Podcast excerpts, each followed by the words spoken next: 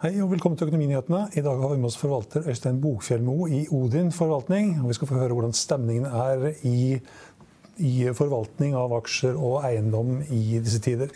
Men vi begynner på Oslo Børs, Trygve. Det kan vi gjøre, og det går veldig dårlig. Hovedindeksen er ned rundt 4% og jeg satt og så på de amerikanske børsene i går kveld. og De stenger klokken ti. Og på slutten av dagen så var det stadig verre og verre. Og eh, Dow Jones var jo ned mer enn 1000 poeng ved et lite tidspunkt. Så, så ble det litt bedre etter hvert. Men det, altså Dow Jones sluttet jo nesten 4, 4 poeng ned, 4% ned. Og det er veldig mye. De andre indeksene også var ned mellom 3 og 4% og Da kunne man jo tenke seg i går hva skjer da med Oslo Børs i morgen? Hvis det er såpass svakt på de amerikanske børsene, og det viser seg da å være riktig at det smittet litt over, den nedgangen som har vært i Amerika og i Europa. Så det ser veldig dårlig ut på Oslo Børs. Og så ser jeg Oljeprisen har også falt eh, videre? Ja, det synes jeg er et veldig godt poeng. så Det, ja, det henger litt sammen det er litt med koronaviruset. Og så er det også oljeprisen som da Og det er jo egentlig litt sensasjonelt, da, hvis man uh, har fulgt med. Fordi at uh, Nå prises da brentoljen på 47-tallet. 47,5 eller noe sånt nå. Og det er ikke så veldig mange uker siden det var liksom 10 dollar mer. Og det som har overrasket markedet, som gjør hele situasjonen veldig komplisert akkurat nå, det er at helt inntil i går så sa alle såkalte eksperter at oljeprisen kom til å stige. Fordi at OPEC og Russland, eh, eller OPEC pluss som man kaller det, eh, de hadde underholdende blitt enige om at de skulle kutte produksjonen mer enn de har gjort hittil. Nå har de kuttet altså, produksjonen med 2,1 millioner fat per dag. Og så ble det sagt at man skulle ta, da, kutte halvannen million fat, fordelt da på Russland og OPEC. Og hvis man gjorde det, så ville da prisen gå kraftig opp, fordi tilbudssiden ble såpass mye mindre. Og så kom det ryktene i dag tidlig eller sent i går om at Russland var helt uenig. De ville ikke ha noen kutt. i det hele tatt. De ville bare sørge for at det kutt man allerede har hatt, altså de 2,1 millioner fatene, at de ble opprettholdt. Eh, men nye kutt ville ikke ha e- av en eller annen årsak. Noen sier at de har solgt så lite olje at de må bli kvitt lagrene. De må få ut oljen. Kanskje. Men i alle fall en kraftig reduksjon i oljeprisen samtidig med koronaviruset. Det blir for mye for Oslo Børs på en gang. Det er helt sikkert. Og vi har, en, vi har på en måte selskaper også som er korrelert med med oljeprisen, sånn som Equinor og Aker BP. og De faller også 4 i dag. Og De er såpass korrelert med oljeprisen at når vi får det fallet, så faller de aksjene nesten, nesten alltid da. Mm. Så, så, oljeprisen og korona og ja, altså, Det er to ting, veldig viktige ting som driver markedet ned. Og gjør det veldig volatilt på Oslo Børs. Men vi har mange flere ting. altså Nesten alle de store selskapene de er ned. Det er rødt hele veien. Og vi må jo da ta Norwegian. Jaha. Ja, det må vi jo ta, for det er såpass Altså Alle kjenner produktet, alle tjenestene, flyselskapet. Eh, mange booker der, mange reiser med det, mange har investert pengene der. Fulgt med diskusjonene om liksom, Norwegians kapitalbehov, eierstruktur, gründere som selger seg ut osv. osv. Og I dag er selskapet ned 25% Det ligger nå kursen på 11-12 kroner. Uh, og det skyldes da ikke det at Norwegian er dårligere enn de fleste andre, men det at flyselskaper generelt faller som en sten fordi at folk reiser mindre altså nesten, selskapet nesten uansett størrelse og type får nå beskjed om å reise mindre. Alle skal reise mindre. Stortinget har da vedtatt at komiteene på Stortinget, alle de mange komiteene, og de er alltid ute og reiser et eller annet sted, for de skal lære eh, politikerne rundt omkring. Eh, og de har nå suspendert alle reiser i mars og april. Og sånn er det overalt. at Selskaper store som små de sier at nei, nå må vi ta det med ro, nå reiser vi mindre, vi er mer forsiktige. Og Derfor har flyaksjene over hele verden ramla ned 20-30-40 Eh, katastrofe for mange flyselskaper. Alle tilpasser seg, alle tar ned produksjonen, alle tar ned antall ruter, antall tar ned avganger. Og så må de, For å få passasjerer på de få flyene de har igjen etter hvert, så må de da selvfølgelig gå ned i pris. Eh, helt eh, elementært. Og det gjør det, Og det kommer til å bli et, altså, et helvete for de selskapene som er ute i markedet, som skal på en måte overleve, og som skal få litt inntekter, lik, likviditet, samtidig med at etterspørselen forsvinner som Rett sånn, altså. Og det er worldwide. Det er ikke liksom norsk fenomen, det er ikke europeisk fenomen. Det er asiatisk fenomen, det er amerikansk fenomen. Alle kursene faller, og selskapene får problemer. Og da, da får vi liksom på Oslo Børs sånn, nesten en sånn overkill. Så da faller da Norwegian med 25 Og det er fordi at man da spekulerer om de har brutt covenants og lånegreier og krav til egenkapital og hva det måtte være. slik at det er et brutalt fall, og kursen er nå 11 eller 12 kroner. og det er jo ikke slutt med det. Fordi og det konvertible obligasjonslånet handles på 50? Ja, nettopp. Og det gjør at altså, den, den, effektive renten på det jeg liksom da begynner å snakke om 40-50 rente. I hvert fall over 20? ja, men det blir helt, jeg, ja, jeg tenkte litt på den Borr-aksjen også. Mm. også. Eh, så det blir helt sykt. Og, sånn er Oslo Børs, og det kan man nesten ikke gjøre noe med. Og så er det, det, det som er det store, kan, Gjesten kan sikkert si noe om det etterpå, men det som er liksom det store spørsmålet, det er liksom snur ikke nå. Er vi ikke på bunnen? Hjelper, er det, hjelper i morgen? Men de gjør ikke det. vet du. For det, de gjør ikke det. Fordi at uh, nå er det såpass strengt det som foregår i business, i offentlig forvaltning, overalt. It's that time of the year. Your vacation is coming up. You can already hear the beach waves, feel the warm breeze, relax, and think about work. You really, really want it all to work out while you're away. Monday.com gives you and the team that peace of mind. When all work is on one platform and everyone's in sync, things just flow wherever you are. Tap the banner to go to Monday.com. There's never been a faster or easier way to start your weight loss journey than with PlushCare. PlushCare accepts most insurance plans and gives you online access to board-certified physicians who can prescribe FDA-approved weight loss medications like Wigovi and Zepbound for those who qualify.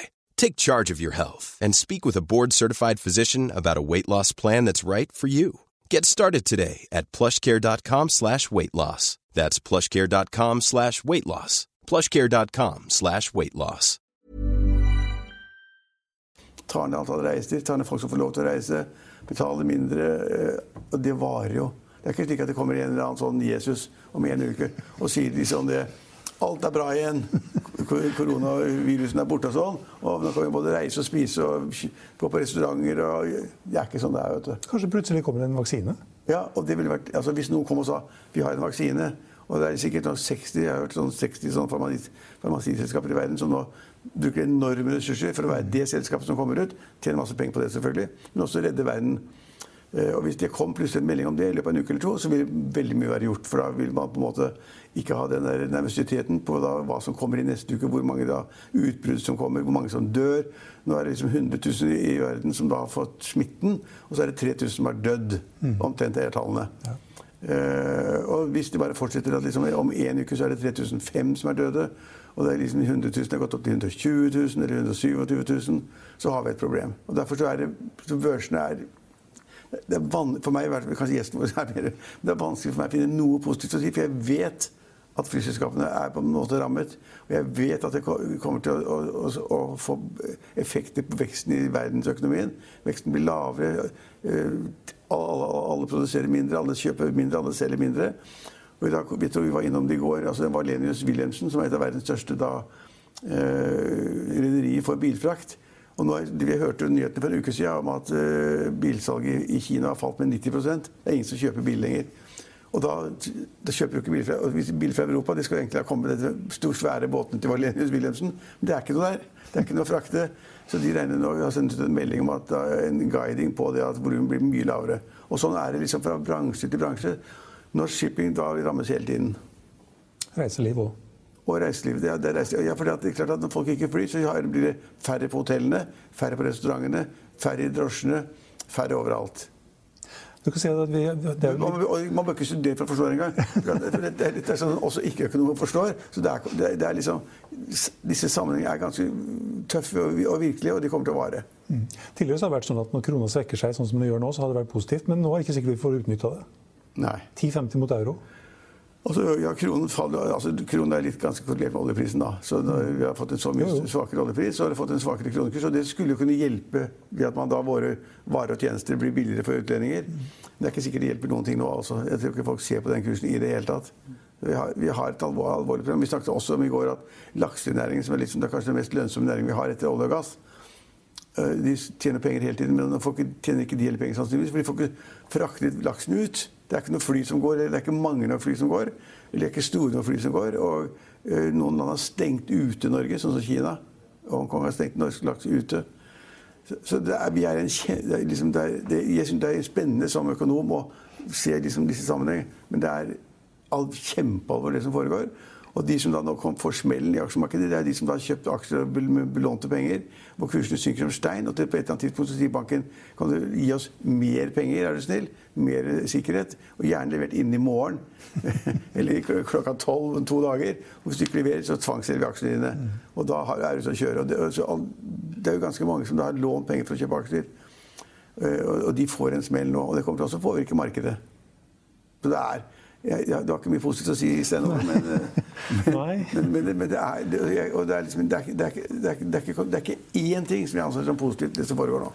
Vi var inne på det så vidt i går, det er jo egentlig litt annet. Vi var inne på Bank Norwegian som falt 10 ja. I dag så kom det egentlig en forklaring på hvorfor den fortsetter å falle 13 i dag. Ja, og det er jo interessant å si at altså, børser som går opp, det er mange som ikke har noe greie på det. De tror liksom at det er sånn tilfeldigheter og flinke, heldige mennesker osv. Men her er det klare sammenhenger med det som foregår på børsen. Den aksjen har falt nesten 15 i dag. Mm -hmm. Og det er fordi at Finanstilsynet plutselig altså Først så sa banken at de kom til å betale ganske mye utbytte, så det skulle bli liksom en utbytteaksje.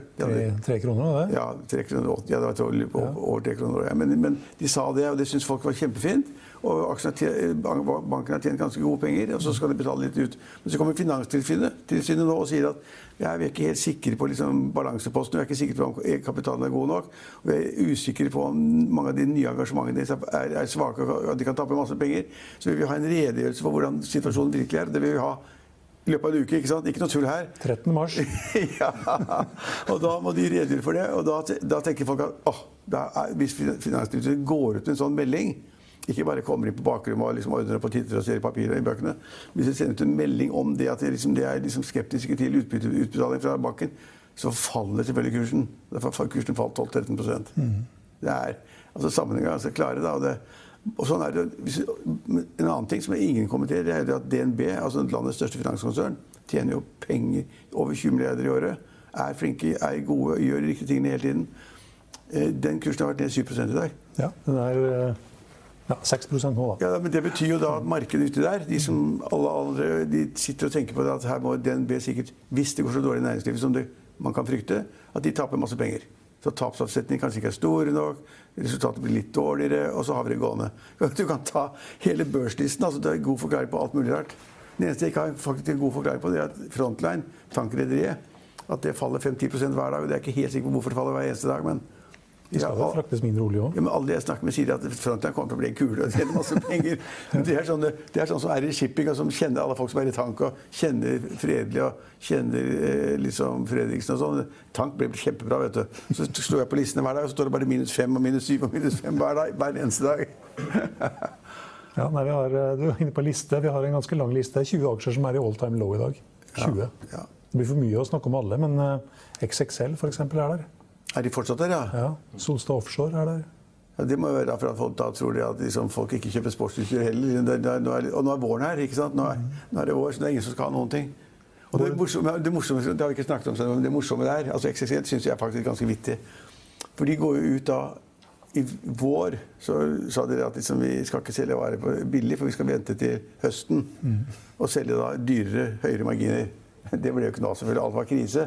Og nå har de sin egen reklame på TV hver dag. Sagt at vi har altfor store lagre. Bare se her, sier de så har de inni en sånn flyhangar med varer. Og så forteller de folk at de har liksom altfor mye lagre, og nå må dere kjøpe de. Og hva tenker kundene da? Her gjelder det å vente. For da får vi det til halv pris. Vittig markedsføring.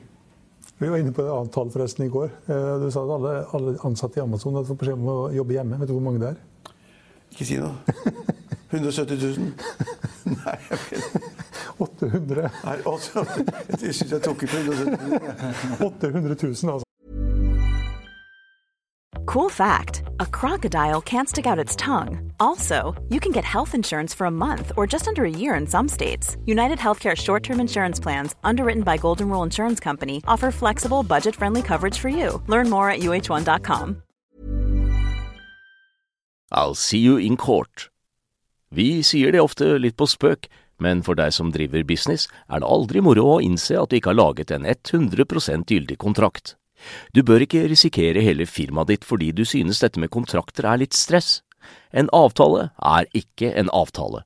Du kan miste kunder, miste venner, ja, til og med miste inntekter om du ikke lager en skikkelig kontrakt, på alt mulig, egentlig. Men vi vet det er et styr. Kopimaskiner, tregprinter og haugevis av papir. Dessuten stoler vi jo på folk her i landet. Det er ofte litt kleint å skulle be om en signatur for alt mulig, ja, for mye av styret handler også om jakten på underskriften.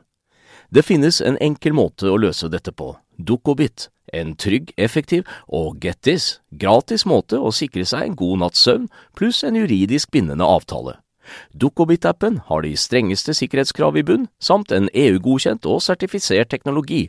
Framover vil det bli behagelig å spørre du, skal vi skrive under på det, eller? Kom i gang på dokobit.no. Men Har alle fått den beskjeden? Ikke bare hovedkontoret i Amerika? Nei, jeg tror ikke det. Men det er eh, 798 000 hadde den ved utgangen av 2019. Men det er jo banker, altså Vi har gjort samme her i Hegna Media. Har vi, gjort samme, vi har liksom funnet ut hvordan vi, Hvis vi skulle da vise at et eller annet system, en var smittet her, da, av koronaviruset, så, så har vi laget planer for hvor folk da skal sitte. De, journalistene skal sitte hjemme. Du må være hjemme. eh, Jeg må være hjemme. Ingen sending. Nei, men, ikke, men desken vår, papirdesken, må være her. De har vi funnet plasser til. Laget dobbelt sett med PC, så flyttet noen ned i første etasje. Vi har laget systemer, og sånn er det veldig mange som gjør. At det var en amerikansk bank som hadde laget et fullt system der alle, alt skulle drives utenfor kontoret og et annet sted. Og hva fikk vi beskjed om i dag? Kjent norsk stort selskap. Stengt kontoret sitt i Oslo, på Skøyen, tre minutter herfra. Elkem. De har altså ut, et utbrudd på kontoret. Var det én person? Én person, ja. Der er stengt kontoret. Og skal vaske det ned eller sprøyte det ned og, og, og se hva som skjer. Og så går, må det gå 14 dager. Så, altså, altså det, er, det er- det nesten som man syns det er liksom interessant å se på sammenhengene. Men det er kjempealvorlig det som foregår. Og vi kommer til å få en konkursbølge uten like innen reiselivsnæringen. I de små selskapene, i mellomstore selskaper, som ikke har penger, som ikke har noe, blir bare driver fra dag til dag. Og plutselig så er halvparten av gjestene borte. Det er litt spennende på Oslo Børs. Det er sikkert noen som ikke klarer å komme seg gjennom det der òg. På Oslo Børs? Ja. Ja, sannsynligvis. Kanskje Norwegian. Ja. Kanskje Borr. Det er, det er tøffe tider. Gullprisen er opp 1,1% Ja, det er gull! Det er det man satser på nå. Usikre tider er gull. Det lærte vi på skolen. Når det var usikre tider, skulle alle ha gull. Og det er faktisk riktig. Hva er gullpris? Opp i 1700? Ja, begynner å nærme seg 1700. 1700 eller sånn. Ja, ja, ja. Ja, vi, får, um, vi får si at det var det med børsen. Så får vi høre litt mer med gjesten vår. Uh, Øystein Bogfilmo fra, Nordi, nei, fra Odin. Odin forvaltning. Hvordan er stemningen hos dere om dagen? Eh, Nei, Jeg syns den er relativt god. Eh, selvfølgelig, Vi merker jo markedet, men eh, vi prøver jo på en måte å ha et langsiktig syn på det vi gjør. Eh, men selvfølgelig, man blir jo prega, og så er det jo stor usikkerhet. Men eh, det er ingen av oss som er noen viruseksperter. Så vi, vi ser jo hva som foregår, og så gjør vi vurderinger løpende. Ja. Du, du forvalter eiendomsfondet. Og din eiendom, ja. Ja. Hvordan har det gått? Nei, så langt i år har vi faktisk eh, gått i pluss. 3,6% Og det er etter de siste dagene òg? Ja, Jeg har ikke justert for i dag, da, men eh, etter dagen i går. Eiendom går av seg selv. Det står jo bare bygningene der. Det er jo kontorer og lager, de bare står der, og så betaler folk husleie. Det er ikke mulig å gjøre feil der. Lange kontrakter, så Nei, det var ikke, olje, var ikke oljefondet som i går i forgårs kjøpte en eiendom til 7 milliarder i, i, i Tokyo. I dårlige tider. Altså eiendom ja, eiendom, ja, du er heldig, du. Stakkars som ikke har disse andragsene. Ja, ja, er det sånn på kontoret at er du, du som driver med eiendom, at du er på en måte litt skåna for alt det som skjer? Nei, men altså, Man har jo sett det historisk, og det gjelder denne gangen her, og liksom at ved usikkerhet så er jo eiendom mer defensivt. Eh, og, ikke sant? Man har jo låst inn kontrakt der, og snittlengden i vårt fond er jo fire og et halvt år. eh, Gjennomsnittlig durasjon. Og så har vi jo flere selskaper med ulik durasjon. Men det gjør jo nå at du har en i hvert fall viss visibilitet på kontantstrømmen. da. For det er jo ikke sånn at selskapene her eh, kutter leiekontrakten pga. litt koronavirus kortsiktig. Og så får vi jo se langsiktige effektene. Men eh, du ser at markedet har jo vært villig til å ja, prise det høyere relativt. da. Og derfor har vi fortsatt vært i pluss i år. da. Hvor mye forvalter du? I fondet så er det 4,5 milliard norske kroner.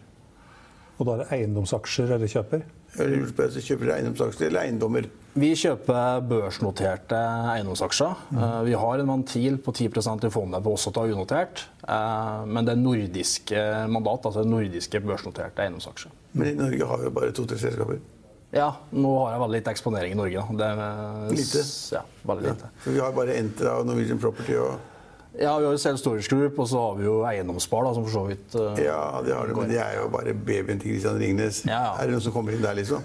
For- Jo, vi har en liten post, og det har jo vært en uh, fantastisk reise. og- Ja, ja, altså, Man skulle tenkt for mange år siden at liksom, er det en som kan eiendom, så er det Christian Ringnes. Og så er han ganske kremmeraktig og tjener penger hele tiden. Det er bare å kjøpe aksjer hos han, så kan han gjøre jobben. Ja. Men da har du riktige forutsetninger for eiendom. ja. Du kunne hatt Olav Thon også, men altså han, han er såpass kjedelig at eh, han, han selger nesten aldri. Men Christian Ringnes selger jo av og til også, han. Så du ser Ja, han er jo mer opportunistisk på å kunne gjøre salg hvis han ser at det, Han gjorde jo det senest på et uh, Scandic-hotell her i februar. Uh, så, Ja, det liksom, gjør han. ja. så liksom, han gjør jo Du tar aksjer i eiendomsspar, altså? Ja, det- Å, ja, men det er jo bra. ja. Men det er jo en liten del av totalporteføljen, for vi er jo en liten aksjonær der. da. Ja, og Ringnes sitter vel over 50% så Han kontrollerer, kontrollerer, han kontrollerer i hvert fall 50% Ja. Akkurat det er jeg, det er jeg ikke sikker på. Men eh, hva, hva gjør dere nå? Sitter dere helt stille i båten, eller kjøper dere, eller har dere penger å kjøpe for, forresten? Eh, jeg har faktisk kjøpt eh, altså vekta meg opp eh, relativt eh, de siste dagene. Så det har jo vært eh, et kjøpers marked, utvilsomt. Men, men det du har sett på de nordiske aksjene, i hvert fall på eiendom, og, og vi har jo veldig mye i Sverige, det er at eh, det har jo blitt en sånn litt mer trygg plass. Så, så det har holdt seg veldig bra. Eh, Så jeg har jo ikke følt det kanskje i like stor grad som eh, en del andre av kanskje kollegaene mine og andre forvaltere. Men Føler du at du er nødt til å kjøpe nå, eller kunne du egentlig bare sitte og slappe av litt? Det er jo noe som begynner å bli ganske billig. Eh, hvis du ser både på kontantstrøm og underliggende verdier. Men du mener da at eiendomsaksjer faller for tiden også? Ja, det har du jo. Eh, vi hadde jo en veldig god start i januar. Vi var opp en eh, 8 nesten. Og så var vi litt ned tilsvarende i februar. Og så har vi hatt i mars en, en god økning igjen. Så vi har holdt oss bra. Men, men, men fondet mitt har jo eksponering mot ulike segmenter.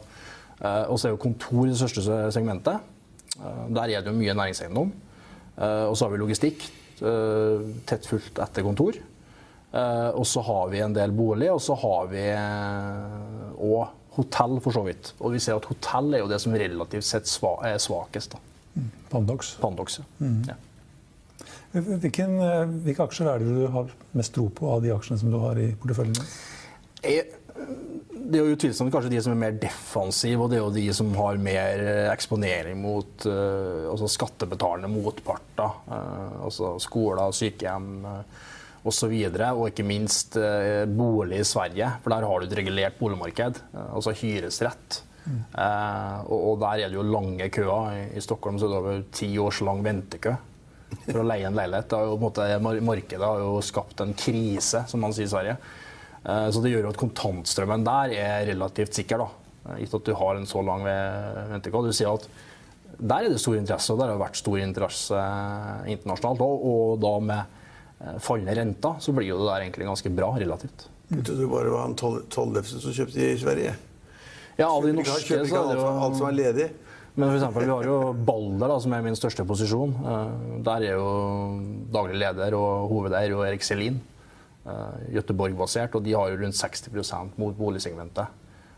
Og de er jo så langt i år opp, faktisk. Så det ja. Så det er bedre å være eiendom enn i aksjer. Enn så lenge. Eh, Aksjer eksponert mot eiendom har vist seg så langt å ha vært bra. Ja, aksjer mot eiendom, men, men alle andre aksjer enn ikke eiendom. Ja, det kan man jo si så langt. Siste uka. Men når du, når du har vekta deg opp da litt i det siste, hvor har du vekta deg opp enn da? Hvilke, hvilke konkrete aksjer har du kjøpt?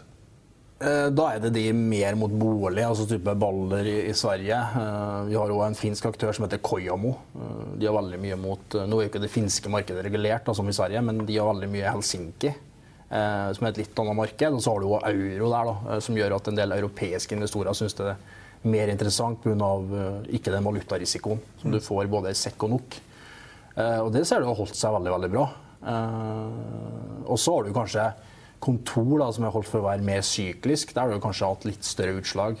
Og så er jo logistikk eh, fortsatt veldig attraktivt pga. den store trenden rundt eh, netthandel. eh. Har du noen ekspo eksponering mot eh, varehus? Ja, det er varehus, lettindustri, logistikk. Eh, altså den båsen der, da. Som har vært uh, det beste segmentet i 2019. Da.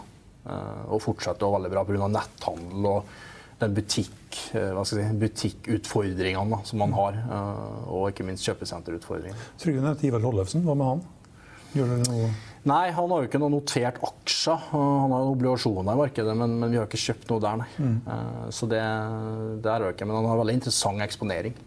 Eh, Fordi ikke sant, boligmarkedet som sagt, er jo veldig forskjellig i Sverige fra i, i Norge. Vi har, der er jo på en måte et fungerende leiemarked. Det har vi for så vidt ikke i Norge, for det er jo private aktører som leier ut uh, her i Norge. Men du er ikke i obligasjoner, det er, liksom, det er aksjer? Det er kun aksjer, og så kan vi jo for så vidt ha preferanseaksjer, men, men det er et aksjefond. Eh, Så det er kun aksjer, og så har vi i porteføljen i dag uh, 23 aksjer. Da. Eller ulike selskaper. Ja, eiendom. Eiendom, ja. ja, ja. Er det en sikker havn? Ei, hva? Er det en sikker havn? Er en sikker havn, for at leietakerne blir ikke borte over natten. Så de, de, de må jo et eller annet konkurs til eller kaste kortet for at altså, leieinntektene ikke skal komme. da. Og det er jo et Så, mm. så, så du, du får leieinntektene hele tiden. Men det er klart at hvis noen faller fra i en sånn kjempekrise, resesjon eller sånt, så, så har du problemer med har kjempebrygg i Bjørvika og, og, og kunder går konk. Da har du et lite problem. Men eh, stort sett så er det de så sikre kunder. og Det er, at det er sikkerhet Nei, nei, eiendom er nok bra i denne krisen vi er inne i nå. Og nå ser jeg, Stein Ove, at eh, Amerika kommer til å bli krise i dag òg. Dow Jones kommer til å åpne med ned 700 poeng. Det er 3-4% Det er krise. Og renten i USA har aldri vært lavere. Tiåringen, statsobligasjonen, er 0,7. Altså Går det bare måneder tilbake, så var liksom det helt utenkelig. Det var liksom skandale at det liksom var 1,3 og 1,4 og sånn. Nå er altså tiåringen, Gilden på den ligger nå på 0,7% og jeg vet ikke hva, hvordan aksjemarkedet tolker det, men det tol tolker vel på et eller annet måte at uh, alt går til helvete eller noe sånt, tenker jeg. Ja, Den flykter fra aksjer over obligasjoner. Ja, de, kjø de, pre de kjøper obligasjoner og presser da gilden ned. Mm. Ja. Men det Ja. Men det er jo interessant for eiendom, da, fordi Planning for your next trip? Elevate your travel style with Quince. Quince has all the jet setting essentials you'll want for your next getaway, like European linen, premium luggage options, buttery soft Italian leather bags, and so much more. And is all priced at 50 to 80% less than similar brands. Plus, Quince only works with factories that use safe and ethical manufacturing practices. Pack your bags with high-quality essentials you'll be wearing for vacations to come with Quince. Go to quince.com slash pack for free shipping and 365-day returns. Eh, ikke sant? eh, rentemarkedet er jo viktig for eiendom. Og En ting er en lav rente med et velfungerende rentemarked. da, fordi jo mange av de selskapene her finansierer jo seg i markedet, altså obligasjonsmarkedet. Så da må du ha et velfungerende marked. da, Men du ser jo det når langrentene i USA stuper mot eh, ja, som du sier, 0,7% på tiåringen. Eh, og du kan ha 5% nettogild på 50 giring i, i Sverige, så blir jo det ganske hyggelig relativ avkastning. da. Eh, Så kanskje noen valger det i større grad enn før. Har dere full kontroll på alle selskapene, hvordan de er fin eh, finansiert? Ja, det bruker jeg alle mye tid på. fordi eh, som sagt, så tror jeg den store risikoen nå eh, altså Mange har jo vært negative til næringseiendom i flere år. eh, og Det er lett å bli det basert på historien, men det som er interessant, er at hvis du ser forskjell mellom avkastninga, altså nettogilden, over rentekostnadene eller rentemarkedet, så er jo den rekordhøy. Så du har jo en rekordhøy risikopremie. Eh, som gjør egentlig det motsatte bildet, som sier at eiendom er eh, historisk billig. Eh, for at du får bedre betalt sånn i i risikotermer. Da. Men, men eh, derfor er jo da finansieringssida så viktig òg, da. Eh, så jeg ser veldig mye på det. Så litt over 30% av finansieringa totalt sett i min portefølje er obligasjoner. Eh, Og så er resten bank. da. Ja, og folk kjøper jo mer- altså, folk kjøper mer og mer eiendom og driver gilden på eiendom ned. Det er villig til å godta for å leve med en yield på 3-4 og det er bra, det. Ja. I forhold til å tape 40% i aksjemarkedet. Så kan du få en yield på 3-4 i et praktfullt bygg i Bjørvika eller borti et eller annet sted. Og så, Låner du penger til 0 og så du, du, du låner penger til nesten 0 ja, så kjøper du bygget, og så girer du opp med 60% ikke sant? Og så, og så sier du OK, får du bare 3-4% i året. eller 3,75 eller 3,65. men så- ja, Men det er fint, det. Kontra alt annet alternativ. Så får du et praktbygg som du har en statlig leiekontrakt eller PwC eller DNB eller hva. leker. Så det er et interessant regnestykke, altså. Ja, iallfall hvis du går til Sverige, fordi der har du lavere rentekostnad. Eh, Så var det et år i selskapene nå som gjorde en femåring eh, obligasjon i, i sekk på eh, all in rentekost på 1,15 Og det er et selskap på, som har 5 eh, nettogild eh, på sin portefølje. Det er å ta penger på gaten, det. Og det blir et ganske hyggelig reise. Så, så, så vi har jo den eksponeringen der, da, og, og da tenker jeg at i dagens marked så er det en fin plass å være. Ja, det er en fin plass å være. For nå klokken halv fire så åpner de i USA. Ja. Og da kommer de til å åpne med 3-4 rett ned. Da kommer, da kommer kommentatorene Hva skal vi si til det, liksom? Er det noe, ikke noe håp? Ikke håp i USA, ikke håp i Norge. Det er ikke bra, men sånn er det. Tusen takk for at du var med oss, eh, Øystein. Ja, I Finansavisen i morgen så kan du bl.a. lese Trygve Egners leder om koronaviruset, og at det ikke er spanskesyken, men at de ringvirkningene er store. Det var det vi hadde for i dag, men vi er tilbake igjen på mandag klokken 15.30. Følg med oss igjen da.